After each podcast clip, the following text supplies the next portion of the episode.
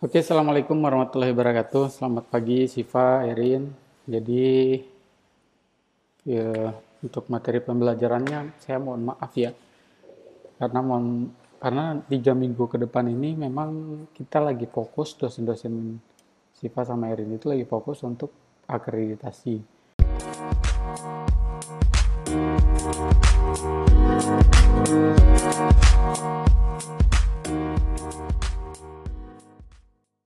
Kenapa? Karena dengan akreditasi ini untuk meningkatkan mutu pendidikan atau program studi kita. Nah, dan ini tujuannya untuk Siva dan Eri nanti. Jadi ketika nanti bekerja itu salah satu pertimbangannya adalah akreditasi. Nah, untuk menjawab beberapa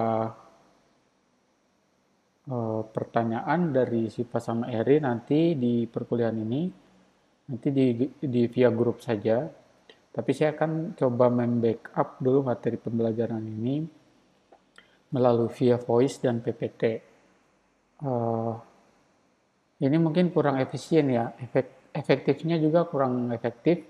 Tapi dengan begini mungkin sedikit-sedikit membantu Siva dan Erin dan saya bisa mengerjakan dokumen-dokumen terkait akreditasi.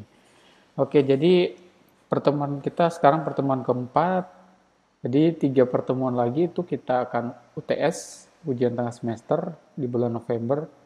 Artinya bulan depan kita udah UTS, tapi uh, tiga bulan tiga minggu ke depan itu kalian akan melakukan pembelajaran seperti ini. Ya, jadi saya kirim PPT, terus ada voice, nanti kalau pertanyaan nanti di grup. Oke, okay? Nah, jadi di pertemuan keempat ini di dasar-dasar administrasi rumah sakit dan puskesmas, ini kita akan bahas tentang manajemen kearsipan, baik dari pencatatan, pemeliharaan, penyusutan tentang arsip keuangan. Memang nanti tidak langsung ber tidak langsung mengarah kepada keuangan, tetapi minimal tidak nanti ketika mendapat materi ini eh, kita jadi tahu, teman-teman jadi tahu dan mengerti bagaimana pengarsipan itu dilakukan. Nah, jadi pembahasannya itu ada enam topik mana enam topik ini nanti akan membantu teman-teman untuk memahami secara ringkas ya atau secara uh, awal materi pembelajarannya seperti apa yang dibahas.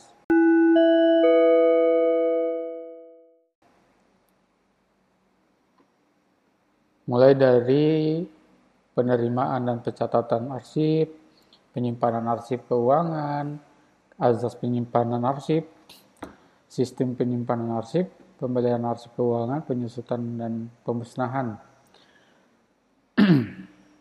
nah, terkait dengan penerimaan dan pencatatan, sering saya uh, sampaikan juga sama Siva bahwa dalam sebuah laporan laporan itu diawali dengan pencatatan atau input. Nah, ini nih yang Pak Pawal yang sering kita bahas baik di sistem dan lain-lain itu pertama adalah input dan inputnya itu adalah penerimaan dan pencatatan. Nah, kita memahami dulu sebenarnya asal kata dari uh, arsip ini. Arsip ini berasal dari kata bahasa Yunani, artinya yang berasal dari kata ark arkivum yang artinya tempat untuk menyimpan dokumen tentang masalah pemerintahan. Kemudian ada juga kata yang ditulis arkeon yang berarti balai kota. Nah, banyak juga yang menjelaskan bahwa ketika kita bicara tentang arsip, eh, kita sebenarnya pernah di karena kita pernah dijajah sama Belanda ya, jadi kita banyak diajarin juga sama orang Belanda eh, saat itu tentang arsip. Nah, orang Belanda ini menyebutnya dengan kata arsip, arsip. Nah, orang Belanda menyadari bahwa orang Indonesia itu punya banyak dokumen-dokumen yang penting untuk di masa depan.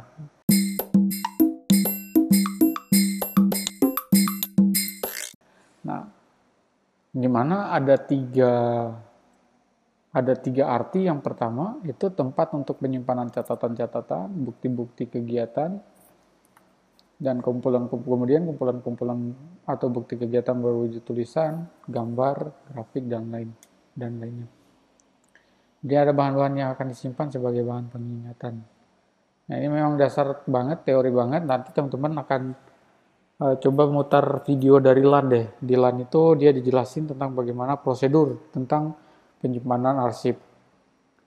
Nah lalu definisi arsip menurut LAN itu apa sih? Lembaga administrasi negara yang mengurus pengarsipan nasional. Kalau kita lihat di hari kemerdekaan itu biasanya diputer-puter tuh film-film nasional atau misalnya di G30 SPKI itu ada tulisannya sumber arsip nasional. Nah itu kenapa? Karena film-film seperti itu menjadi uh, data dan informasi yang memberikan informasi di masa depan. Ini loh kita pernah punya masalah kelam, masa-masa kelam Indonesia yang hampir sedikit lagi Indonesia menjadi negara komunis. Nah itu salah satu contoh, tapi dalam pengertiannya bahwa ketika kita bicara arsip, Wa adalah kertas naskah buku, foto, mikrofilm, rekaman suara, gambar, peta, bagian-bagian dokumen tertentu yang dalam bentuk dan sifat aslinya maupun salinan yang dihasilkan oleh organisasi atau lembaga yang dikutip dari Wijaja AW tahun 1993. Nah, lalu kita ngomongin tuh tentang penyimpanan arsip keuangan. Nah, prinsipnya ada lima nih kalau kita bicara tentang arsip keuangan, arsip. Nanti disambungin aja sama keuangan ya. Satu pertama ada sistem abjad, dua sistem masalah, tiga sistem nomor terakhir, terminal digit, dan empat sistem klasifikasi desimal serta sistem wilayah. Makanya memang kalau misalnya kita bicara pengarsipan ya tergantung dari wilayah. Nanti karena sekarang itu makanya kan arsip nasional itu dibagi-bagi kan kalau di beberapa provinsi itu ada yang namanya Badan Perpustakaan Nasional dan Arsip Daerah.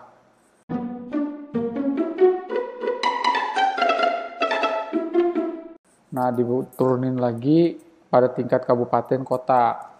Jadi memang itu yang ngebantu. Misalnya dulu waktu kuliah di Jawa Tengah, aku tuh sering banget mengunjungi Badan Perpustakaan dan Arsip Daerah atau provinsi Jawa Tengah gitu. Nah, di ternyata bukan cuma di Jawa Tengah, di tempatku juga di Kota Bau-Bau itu ada juga tuh yang kayak gitu. Pasti di Cikarang ada juga. Nah, jadi di daerah-daerah pasti disisipin tentang uh, arsip daerah gitu loh. Nah, tetapi karena ini kaitannya dengan keuangan, maka nanti ada kaitannya dengan keuangan. Kenapa ini penting? Karena ya data dan informasi di sini semua. Kita akan banyak mempelajari tentang itu. Misalnya sisi pajak, waktu di waktu saya kan anak SMK kan ya. Waktu belajar SMK itu belajarnya kayak gini. Jadi bikin arsip, terus disortir-sortir kan surat masuk, surat keluar, terus itu berdasarkan abjad. Surat misalnya surat yang judulnya surat uh, asosiatif atau surat surat uh, surat pernyataan berarti SP kan yang dicatat itu ya berdasarkan abjadnya pernyataan berarti dia P tapi ada sih teknikalnya juga kalau untuk uh, berdasarkan sistem abjad. Ya tapi itu kita lebih teknikal ya, lebih dasar. Kita kita bahas arsip cuman masalah cuman soal teoritis doang supaya kita tahu bahwa oh ternyata pengarsipan seperti ini gitu loh. Nah, kemudian ada sistem masalah. Sistem masalah ini ya berdasarkan masalah. Masalahnya apa yang terjadi. Nah, kalau misalnya masalah kesehatan berarti kesehatan, masalah keuangan, masalah keuangan. Nah, dan lain-lain. Biasanya disortir gitu loh. Ada beberapa contoh yang nanti teman-teman bisa juga browsing dan di di YouTube itu banyak banget. Saya udah pernah buka bagaimana arsip-arsip itu uh, tersimpan di nasional. Itu banyak banget ada di dalam bentuk DOS, terus ada lemari jejer sampai sampai satu ruangan full. Nah, tapi sekarang udah di backup kan karena ada komputer teknologi informasi.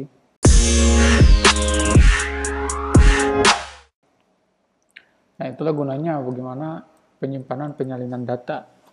Kemudian nomor terakhir ini berdasarkan nomor surat, kelompok desimal biasanya tentang angka-angka yang berkaitan terutama masalah keuangan. Nah, geographical ini biasanya ya berdasarkan wilayahnya gitu loh. Kalau misalnya arsip Jawa Barat ya udah di Jawa Barat aja.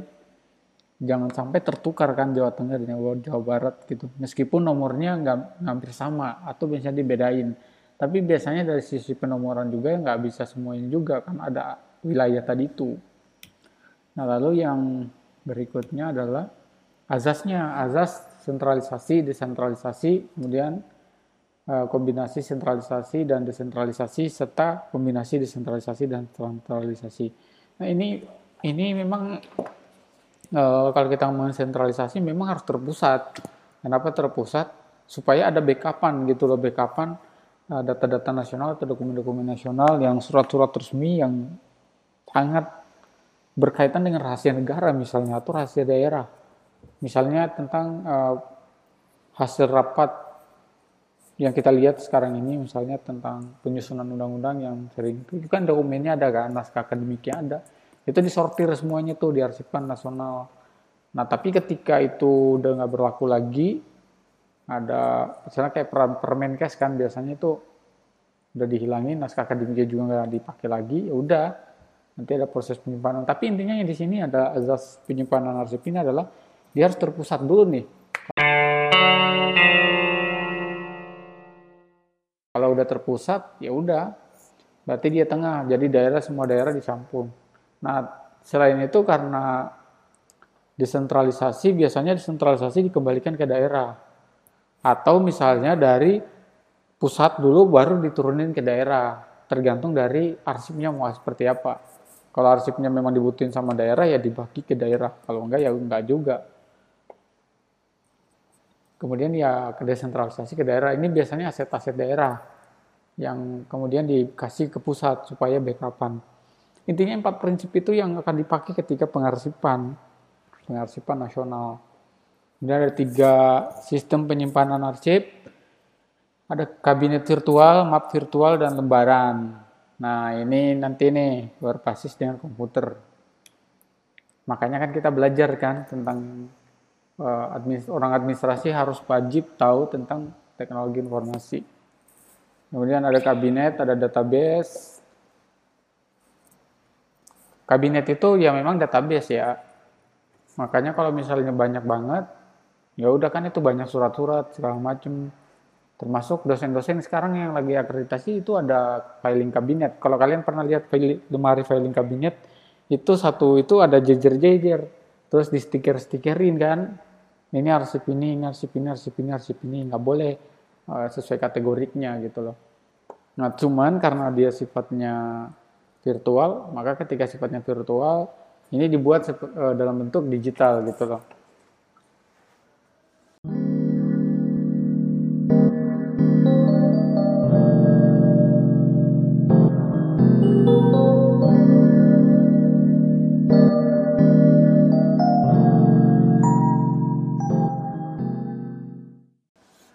Tapi dengan prinsip tadi ya, azas tadi itu ya. Kemudian map virtual. Map virtual itu database yang atributnya seperti map sesungguhnya sistem kearsipan konvensional. Akan tetapi konvensional itu berarti model lama ya. Yang terbatas dalam penyimpanan dokumen map. Dia terbatas dokumen. Nah ini memang kayak berkaitan dengan uh, tadi tadi itu yang saya sebutin yang kelima Kemudian lembaran arsip, lembar arsip yang tersimpan dalam map virtual. Nah, ini berkaitan nih sama dengan kode arsip. Kemudian pemeliharaan arsip, ya internal sama eksternal udah sampai situ aja. Ada yang dari internal, ada juga yang dari eksternal, dari lembaga luar. Kita ambil datanya kan untuk pengarsipan. Makanya kan kalau kita baca surat, kenapa surat itu sampai sekarang masih dipelajarin? Ya karena surat itu di belakang di bawahnya itu tembusan, ada tembusan. Tembusan itu apa? Tembusan arsip. Nah arsip inilah yang menjadi datanya kita. Arsip itu biasanya nggak diperhatiin sama orang. Padahal itu arsip yang membackup. Kita pernah lakuin apa, menyurat sama siapa, dokumen apa. Nah jadi ketika ada akreditasi dan lain-lain itu sebenarnya dilihat apa? Administrasinya dulu. Dicek dan lain-lain. Cuman sekarang kan era teknologi bisa aja tuh kita misalnya arsipnya kita kurang, kita mentaktisi misalnya stempelnya kurang ya udah kita foto terus edit. Nah ini di Photoshop. Tanggalnya kurang ya udah ditanggalin lagi. Nah baru diubah gambarnya untuk JPEG. Makanya kita harus hati-hati juga sama pemeriksaan dokumen. Makanya setiap pemeriksaan dokumen itu uh, ada yang namanya verifikasi. Verifikasi untuk melihat oh ini benar-benar dokumennya real asli otentik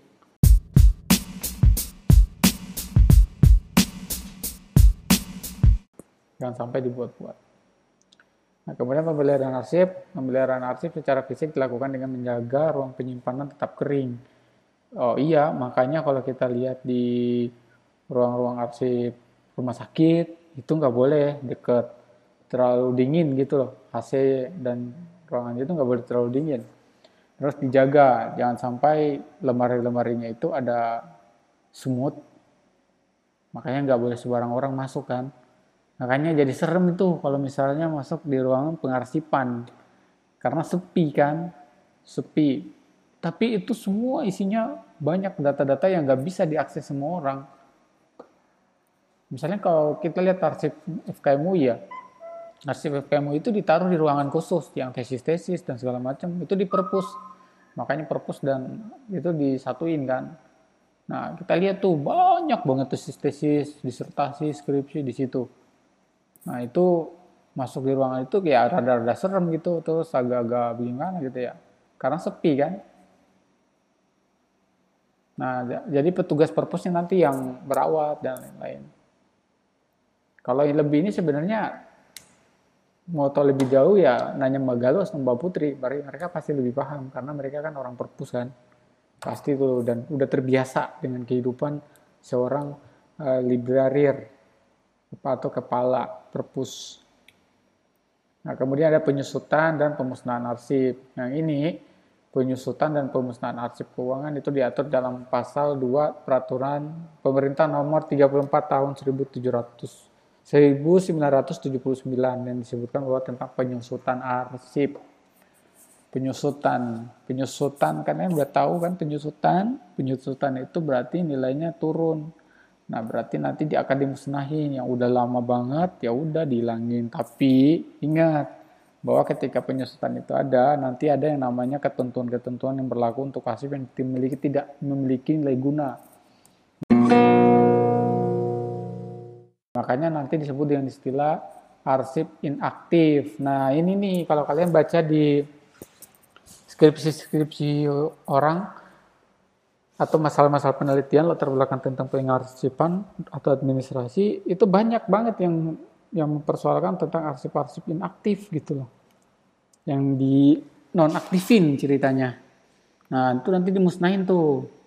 Nah, ada ada Alfred. Nah, Alfred ini penemu yang mengatakan bahwa ada nilai administrasi, legal, legal value, fiscal value, research value, education value, sama documentary value. Nah ini nih yang bisa nggak bisa diabaikan. Bahkan ketika undang-undang dibikin itu pasti mencakup ini juga. Makanya itu penting kan. Karena berdasarkan definisinya ketika kita bicara arsip inaktif adalah arsip yang sudah menurun nilai kegunaannya dalam proses administrasi sehari-hari gitu loh. Nah, ini ada perubahan-perubahan. Kemudian dimusnahin tuh arsip-arsip tadi tuh. Nah, ketika dimusnahin, maka ia akan hilang dari muka bumi.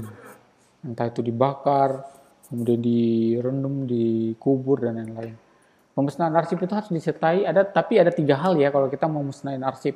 Pertama pemusnahan arsip itu harus disertai dengan berita acara. Nih berita acara ini buktinya nih, bukti pemusnahan nanti nih. Nanti kalau ditanyain e, kok nggak ada dokumen kita yang ini di mana?